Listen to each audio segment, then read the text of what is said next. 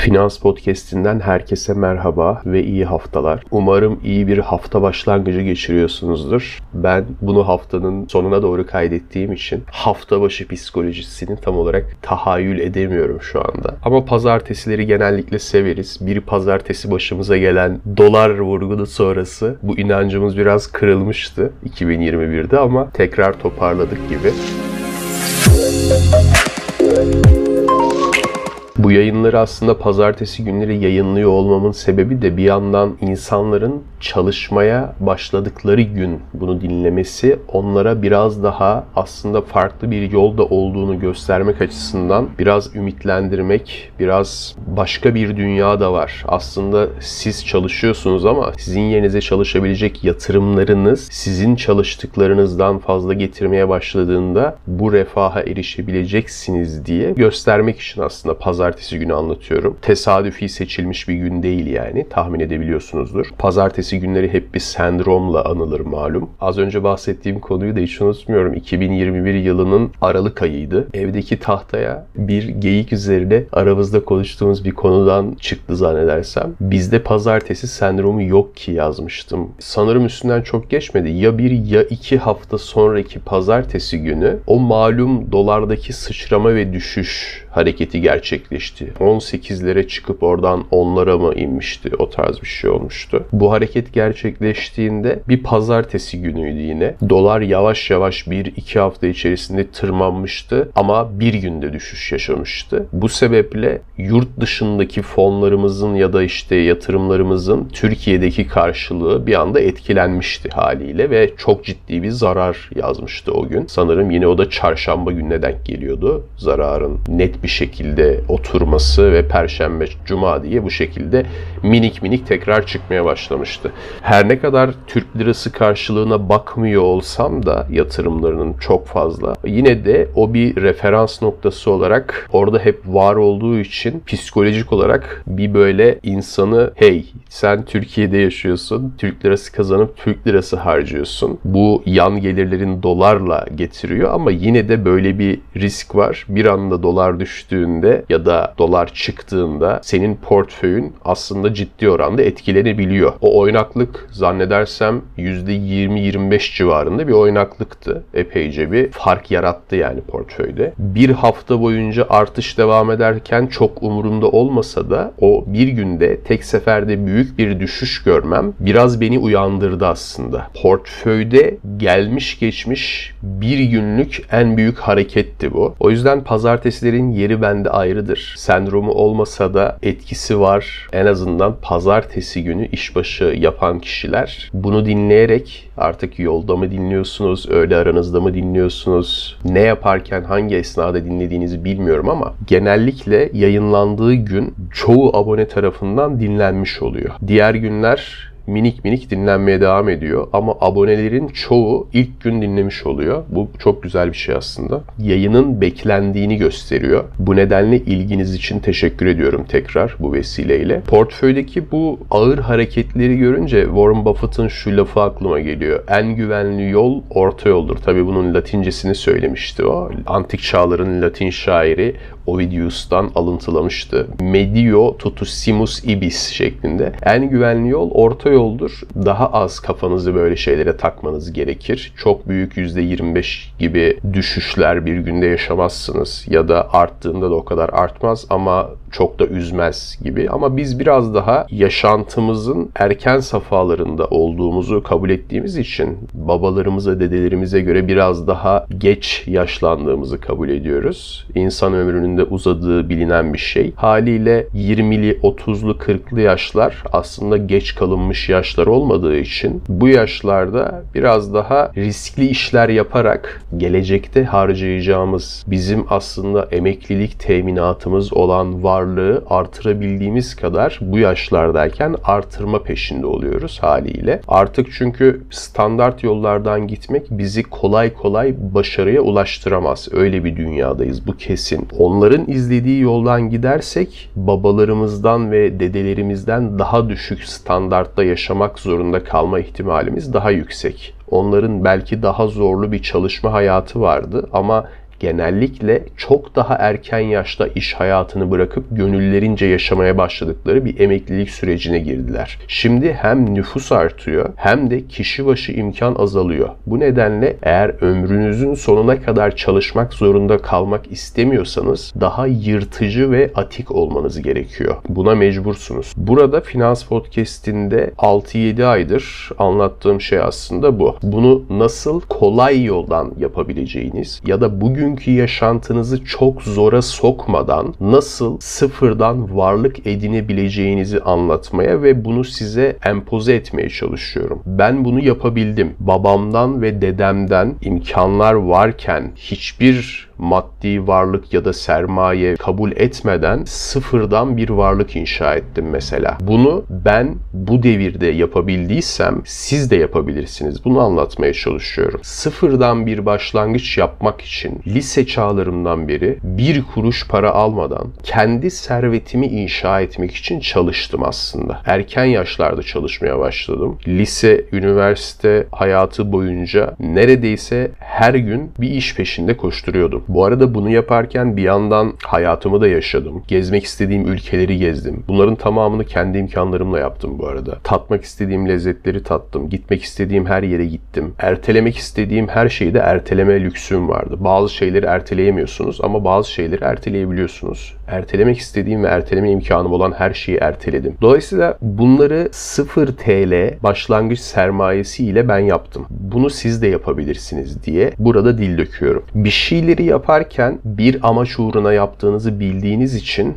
daha hedef odaklı olacağınızdan dolayı daha makul kararlar verebiliyorsunuz. Çok yaygın bir söyleyiş vardır. 750 binlik arabayla 3 milyonluk Tesla aslında sizi A noktasından B noktasına götürür. Hangisiyle gittiğinizin çok bir önemi yoktur. Eğer arabaya bir yerden bir yere ulaşım aracı olarak bakıyorsanız veya 100 TL'lik bir saat ile bir Rolex size aynı saati gösterebilir. Eğer ona sadece bir zaman öğrenme aracı olarak bakıyorsanız. Bunu anlatmaya çalışıyorum. Yani evet 100 TL'lik saat alın ya da Rolex alın demiyorum. İkisinin arasında milyonlarca alternatif var. Arabada keza ikisinin arasında onlarca alternatif var. Bunları hayatınızın her alanında değerlendirip gerçekten ihtiyacınız olan hangisi ise ona yönlenirseniz hedeflerinize daha kolay ulaşabilirsiniz. Mesela arkadaşım bunu almış. Ben ondan daha kötü bir araba, ondan daha ucuz bir araba alıp da nasıl park edeyim otoparka gibi. Böyle bir düşünceye sahip olan zihniyetteyseniz zaten zor. Ya da yine saatte de aynı şekilde. Bugün 3-5 bin TL'ye çok güzel akıllı saatler var mesela. Bir akıllı saatte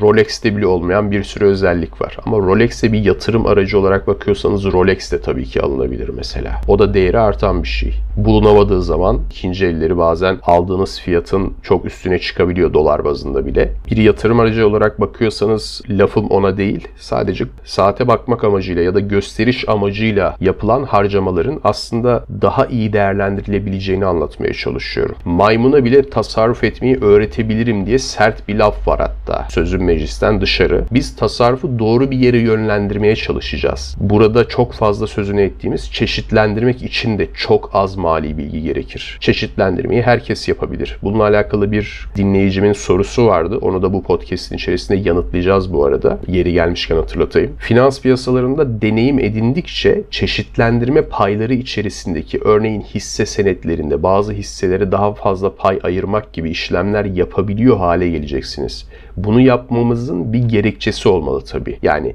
sepetinizin yarısını aynı hisseyle doldurmanız mantıklı olmasa da bazı durumlarda fırsat gördüyseniz ve gerçekten bir firmaya çok güveniyorsanız %20-25'lere kadar hisse sepetiniz içerisindeki payını artırabilirsiniz. Bu firmayı belki Warren Buffett gibi geleneksel anlayışa sahip yatırımcıların tuttuğu gibi 10 yıl, 20 yıl, 30 yıl tutup ekmeğini yiyebilirsiniz elbette. Ama herkes Warren Buffett kadar yaşayacak mı onu bilemiyoruz tabii. Çeşitlendirme yaparken de tamamen sermaye sermayenizi kendi hedeflerinize göre bölmeniz gerekiyor. Diyelim ki başarılı oldunuz. Bir tane aldığınız hisse %1000 arttı bir yılda. Bu enflasyonun çok üzerinde bir şey. Böyle bir şey yaşadığınızda vay be çok iyiyim ben bu işi çözdüm yanılgısına kapılmamanız gerekiyor. Geçtiğimiz hafta bahsettiğimiz bir yılda 5'e 6'ya 7'ye katlayan Borsa İstanbul'daki hisselerden sattıklarımdan bahsetmiştim. Ama bunu çok normal karşılıyorum. Hala ben uzun yıllardır bu işin içerisinde olmama rağmen ben bu işi çözdüm olarak bakmıyorum. Hala alan kişinin de bir bildiği vardır diyebiliyorum mesela. Bu da önemli bir nokta. Başarı çok sık kibre, kibir de felakete yol açabilir çünkü. Ara ara yaşanan minik başarısızlıkları insana insan olduğunu ve hata yapabileceğini hatırlattığı için onu daha büyük skandallardan ve altından kalkamayacağı güç durumlardan uzak tutmaya yarayan faydalı durumlar olarak görüyorum. Bu kibirlenmenizi de önleyebilir. Hata yapmaktan korkmayın. Hata yaptığınızda ondan en iyi biçimde faydalanmaya bakın. Yatırımlarınızın herhangi birisinde yaptığınız bir hata binlerce saat finans eğitimine denk olabilir. Benim burada size ne yaparsam yapayım anlatamayacağım ama sizin yaptığınız küçük bir hatadan çıkardığınız bir ders olabilir ve o derse bizim de ihtiyacımız oluyor olabilir mesela. O küçük hata belki de sizi ileride karşılaşma ihtimaliniz olan çok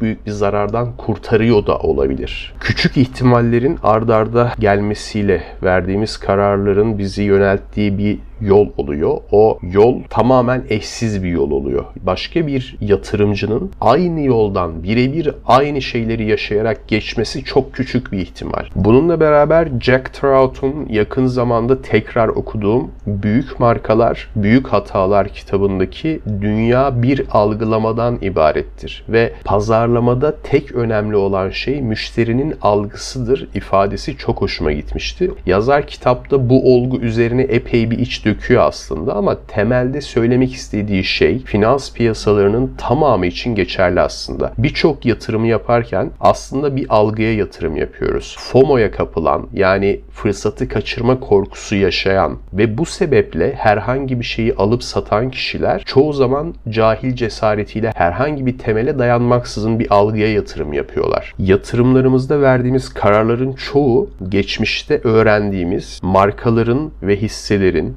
veya diğer yatırım araçlarının emtia, kripto vesaire üzerindeki algımızla alakalı olduğunu biliyoruz artık. Yani biz bir şeye çok yatırım yapıyorsak ya da başka bir şeye az yatırım yapıyorsak tamamıyla ona dair algımızla ilgili bir şey bu. Bazen algı ve anılarımız değişkenlik de gösterebiliyor. Geçmişte yapılan bir araştırmada deneklere 10 tane çocukluk fotoğrafını gösteriyorlar. Bu fotoğraflarda o kişilerin çocukluğunda içerisinde bulundukları anlar var. Bunlardan bir tanesi sahte bir panayır fotoğrafı. Deneklerden %80'i diğer fotoğraflar gibi, 9 fotoğraf gibi onu da hatırlayıp anlatmışlar. Evet o gün şöyleydi, böyleydi diye. Geri kalan %20'sini eve göndermişler. Siz bunu hatırlamadığınız için sizi gönderiyoruz diyerek o tek fotoğrafla birlikte eve göndermişler. Daha sonra o eve gönderilenler de o aslında olmayan sahte fotoğrafı bildirip o fotoğrafla ilgili anılarını anlatmışlar. Waltz with Bashir adlı 2008 yapımı animasyon filmde bu hikayeyi güzel bir biçimde görselleştirip anlatıyorlar ve hafızanın hareketli bir şey olduğu çıkarımını yapıyorlar. Bizim de hisselere ya da yatırım yaptığımız diğer alanlardaki yatırım araçlarına bakışımız, algımız bazen değişebiliyor. Geçmişte yaptığımız bir hata ya da çok büyük başarı gösteren bir yatırımla alakalı hafızamız değişkenlik gösterebiliyor. Filme puanım 10 üzerinden 8 bu arada. İzlemek isterseniz güzel bir film. Hem de gündemden bir konuyla da alakalı olduğu için ilginizi çekebilir. Dolayısıyla olaylara, kişilere, herhangi bir olguya bakışımız değişkenlik gösterdiğinde kendimizi buna ikna edebiliyoruz. Bazen aslında olmayan bir şeyi olmuş gibi hatırlayabiliyoruz. Olmuş bir şeyi de hiç olmamış gibi başka bir sebepten dolayı kayıp yaşamışsınız gibi hatırlamanız olası. Biraz da bu sebeple ben sürekli yatırımlarınızı, varlıklarınızı düzenli aralıklarla yazmanızı ve bunların loglarını tutmanızı öneriyorum. Daha önce bunu yapmadıysanız mantıksız ya da zor gelebilir. Bunu anlayabiliyorum ama yazdığınızda neler değiştiğini göreceksiniz. Yeni bir şeye adapte olmak kolay değil kabul ediyorum. Ama yapan kişilerin faydalarından bahsettiğini gördüğümde de çok hoşuma gidiyor. Bu benim elbette keşfettiğim bir şey değil ama sözcüsü olduğunu düşündüğüm bir şey. Çok önemli bir nokta çünkü benim açımdan. Az önce bahsettiğim konulardan biriyle ilgili bir dinleyici sorusu var e-posta üzerinden gelen. O soruya geçelim ardından da bölümü kapatalım. Burhan arkadaşımız selam hoş beş kısmını geçtikten sonra şöyle diyor. Yayınlarınızı dinledikçe nasıl ilerleyeceğim konusunda çok daha yapıcı adımlar atmaya başladım. Özellikle yıllık bütçeleme ve varlıkların yazılarak kontrol edilmesi konusu beni daha da yönlendirdi. Tüm varlıkları sıraladığım esnada dağılım oranlarının nasıl olması gerektiği konusunda soru işaretlerim belirdi. Ana başlıkların ideal dağılımının nasıl olması gerektiğini kafamda oturtamıyorum. Bu çerçeve çok geniş farkındayım ama eğer daralma açısından yardımı olacaksa az riskli bölgede nasıl olması gerektiğini iletebilirsiniz. Mesela coin piyasası için çevremdekilerin yaşadığı sıkıntılardan dolayı belirlediğim bir düşüncem var. Tırnak içerisinde arkasında devlet olmayan paraya güvenmem demiş. Bu sebeple sizin de yayınlarda belirttiğiniz %5 sınırı hep bahsedilen boğa sezonundan önce aşırı mantıklı geliyor bana. Bunun gibi ana başlıkları belirtirseniz yeter düşüncesindeyim. Mesela coin %5, hisse senedi %15, %20, yatırım fonları %25, döviz ve emtia %20 vesaire gibi. Alt başlıklarına gerek bile yok demiş. Umarım anlatabilmişimdir. Şimdiden teşekkür ediyorum. Şimdi şöyle bunların bir kısmının cevabını geçmişte vermiştim ama yine de hızlıca üzerinden geçmek gerekirse aramıza yeni katılan dinleyenlere de faydası olur. Bulmak kolay olmayabilir çünkü geçmiş bölümlerden bunları. Bahsettiğiniz yüzdeler aslında fena yüzdeler değil ama burada bahsetmediğiniz önemli bir detay var. Yaşınız ve ne kadar süre daha yatırım yapmak istediğiniz. Daha genç yaşlarda içeriye yatırımlara para ekleme imkanı daha yüksek olan genç yaşlarda, tasarruf etme ihtimali daha yüksek olan orta yaşlarda ya da daha çok harcama evresine geçtiğiniz ileriki yaşlarda bunların yüzdeleri değişmesi gerekiyor. Örneğin coin, hisse senedi gibi çok riskli şeylere genç yaşlarda daha fazla yüzde ayırabilirsiniz. Bunların portföyünüzdeki yüzdesi %25'ten %50'lere kadar çıkabilir toplam. Ama coin için ben %5'i çok risk seviyorsanız %10'u geçmemesini öneriyorum. Ama hisse senediyle beraber bakarsanız bunların tamamı bir borsa olduğu için tek kalemde ele alacak olursak %50 civarı çok genç yaşlarda hisse senedinde olabilir. Hatta daha büyük risk severler için %80'lere kadar bile çıkabilir. Ama çok fazla ben al satla uğraşmak istemiyorum. İşte bedelli rüçhan gibi şeyler benim kafamı karıştırıyor. Bunlara gerek yok. Ya da hangi firma ne yapmış, ne yatırım yapmış, gelecekte ne yapacak bunları takip etmek benim işim değil.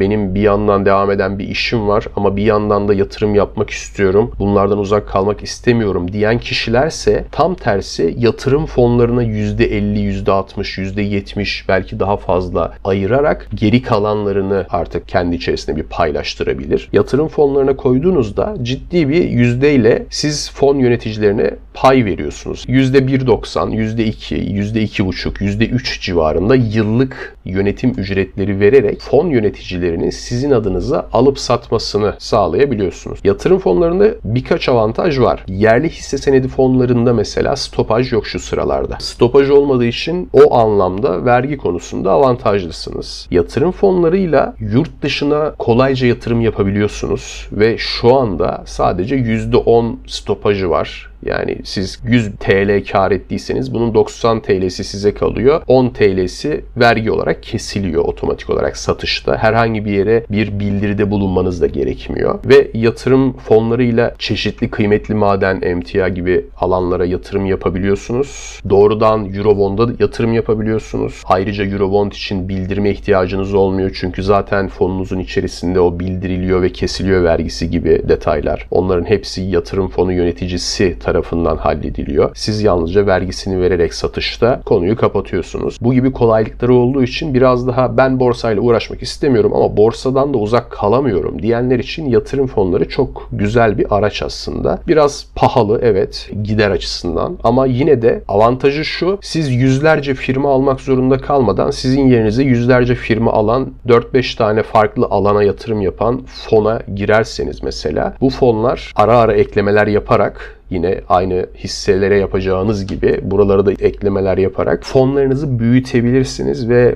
yıllar içerisinde bunlar da belki sizin seçeceğiniz tekleme hisseler kadar getirmeyecek ama yine ciddi oranda kar getirebilecek potansiyele sahip. Her zaman kar getirir diye bir garanti yok. Geçmiş dönemdeki yatırım fonu performansları da gelecek dönemde tekrar edecek diye bir kaide de yok. Bunu da unutmayın. %400'ü getirmiş geçtiğimiz 3 yılda. Ben bunu alayım, varımla yoğumla gireyim. Önümüzdeki 3 yılda da %400 getirsin gibi bir şey yok. Böyle bir dünya yok. Öyle bir şey olsaydı herkes bunu yapardı. Geleceği göremeyiz. Geçmiş performans, geçmiş enflasyonla birlikte geçmişte kaldı. Bunlar önemli. Burhan Bey yine döviz ve emtiaya %20 örneğini vermiş. Şimdi döviz konusunda okey belki yurt dışına çok fazla giden birisiyseniz elinizde döviz bulunması açısından belki mantıklı olabilir. Ara ara döviz alabilirsiniz ama döviz bir yatırım aracı değildir. Ben şahsen yakın zamanda harcama ihtimalim olan döviz dışında asla elimde döviz, dolar, euro, sterlin vesaire herhangi bir ülkenin para birimini, buna Türk lirası da dahil bu arada yani. Herhangi bir parayı tutmuyorum. Fiyat parayı elde tutmak enflasyona yenilmek demek. Bariz. Bu çok net yani. Buna %20 ayırmak kesinlikle bir hata. Benim açımdan en azından o şekilde. Ben buna yatırım yapmam. Tabii ki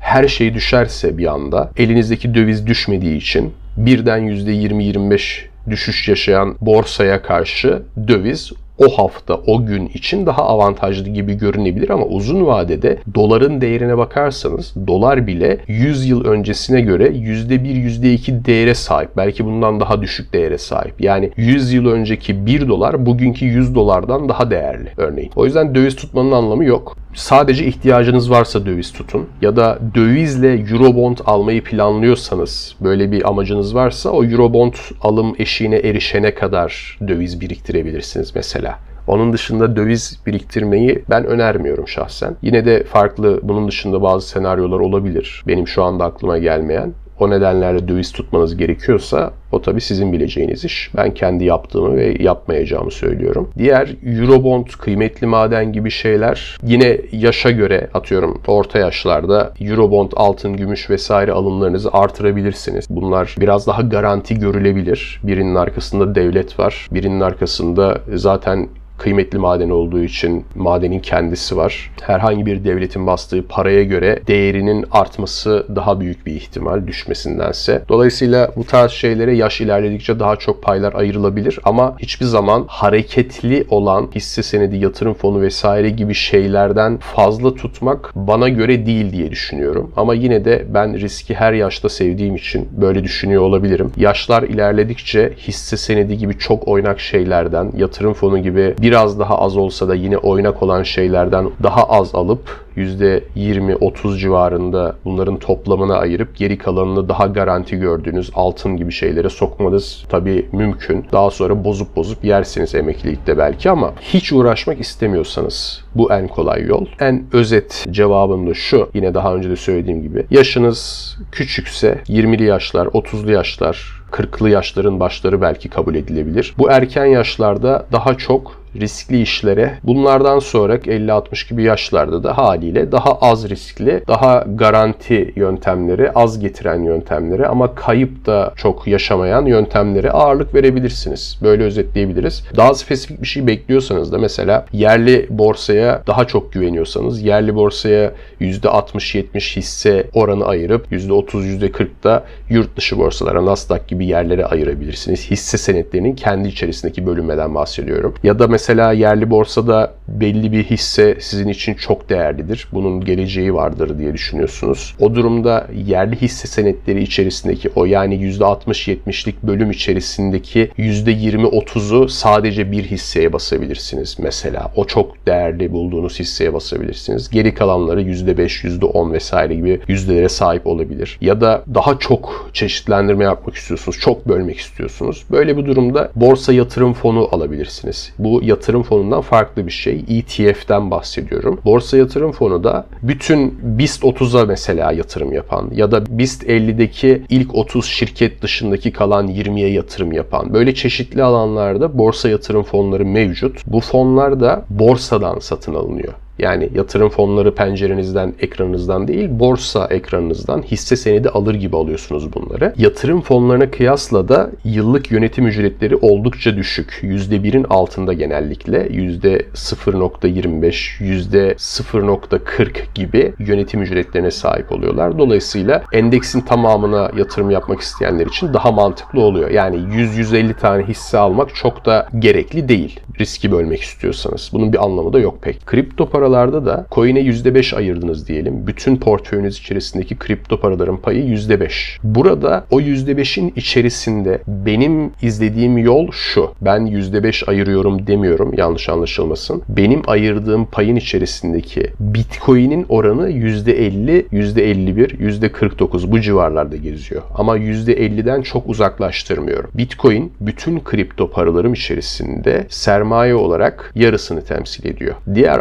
altcoin'ler geri kalan %50 içerisinde. Orada onlarca altcoin var. Bunların 4-5 tanesi biraz daha fazla yüzde ayırdığım atıyorum %5, %10 gibi oranlara sahip olanlar var kendi içerisinde, kripto para portföyüm içerisinde. Ama onlar dışındakiler çok da güvenmediğim, sadece boğa sezonu geldiğini düşündüğümüz için yaklaştığından dolayı topladığım coinler var. Yıllardır topladığım. Her boğa sezonunda bu portföyü sıfırlayıp baştan başlıyoruz. Bu kripto paralarda benim izleyeceğim yol budur yani. Alıp ömürlük tutabileceğimiz bir şey olduğunu yani şu anda düşünmüyorum. Geldiğimiz noktada bu kadar spekülasyonun olduğu, herhangi bir borsanın bir coin'i delist ettiğinde değerinin birden düşebildiği bir ortamda çok fazla kripto paralara ve borsalara güvendiğimi söyleyemem. Örneğin Monero adında bir coin var. Bu coin Coin Market Cap'te ilk yüzde ve 10 yıldır var olan bir coin bu. Bu coin ilk yüzden düştü mü hiç hatırlamıyorum. İlk olarak 2017 yılında ben bu coin'i almıştım. Daha sonra sattım. Birkaç kez aldım, sattım vesaire. En son Aralık ayında almıştım. Ben aldıktan sonra birkaç hafta geçti işte. Bu Şubat'ın başındaydı yanlış hatırlamıyorsam. Bir duyuru geldi. Bu coin bir büyük kripto para borsasından delist edilecekmiş. Yani o borsada artık alınıp satılamayacakmış. Bunun duyurusu yapıldığında bu kripto para her ne kadar köklü bir kripto para da olsa, merkeziyetsiz bir para birimi de olsa bir borsanın yaptığı delist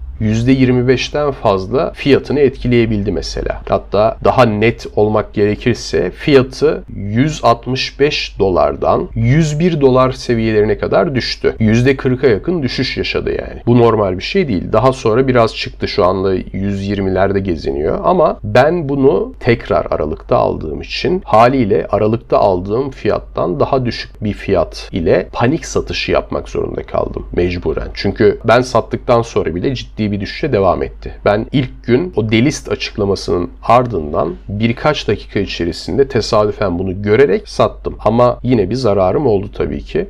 Benden sonra düşmeye devam etti. Ardından tekrar günümüze kadar biraz minik bir artış gerçekleştirdi ama eski seviyelerini bırakın hala benim sattığım seviyeye dahi yükselebilmiş değil. Geçmiş yıllarda yine en büyük market değerine sahip 100 coin listesinde olup da bir anda sıfırlanan Terra Luna gibi coinler oldu. 100 küsür dolarlardan 0,0001'lere falan düşmüştü. Sırf ilk yüzde olduğu için ben bu coin'e para koymuş olsaydım hiç değerinde olacaktı. O yüzden herhangi bir kripto paraya ne kadar büyük olursa olsun asla too big to fail diye bir laf var. Hata yapmak için çok büyük diye bir ifade finans piyasalarında yaygın bir terimdir ama bu kripto paralar için bence geçerli değil. Hangi kripto para olursa olsun ne kadar merkeziyetsiz olduğunu iddia ederse etsin hiçbir kripto para too big to fail değildir. Benim gözümde en azından o şekilde. O yüzden kripto paralara çok fazla güvenmiyorum. Ama o piyasada da varız tabii ki.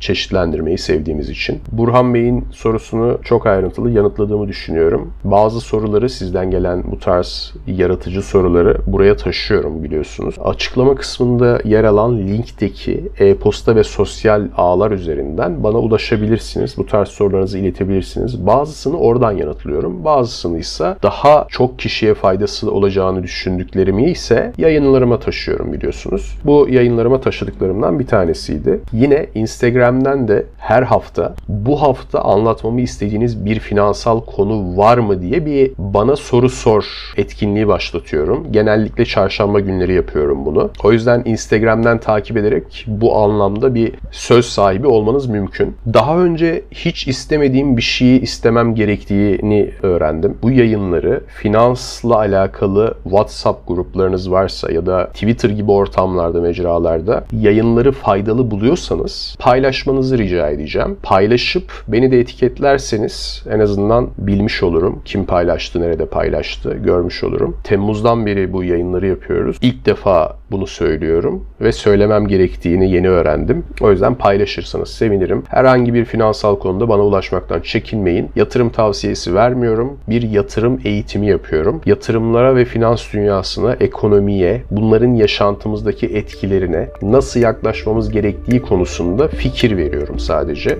Umuyorum ki faydası oluyordur. Bir sonraki bölümde görüşünceye dek şimdilik benden bu kadar. Hoşça kalın, sağlıklı kalın.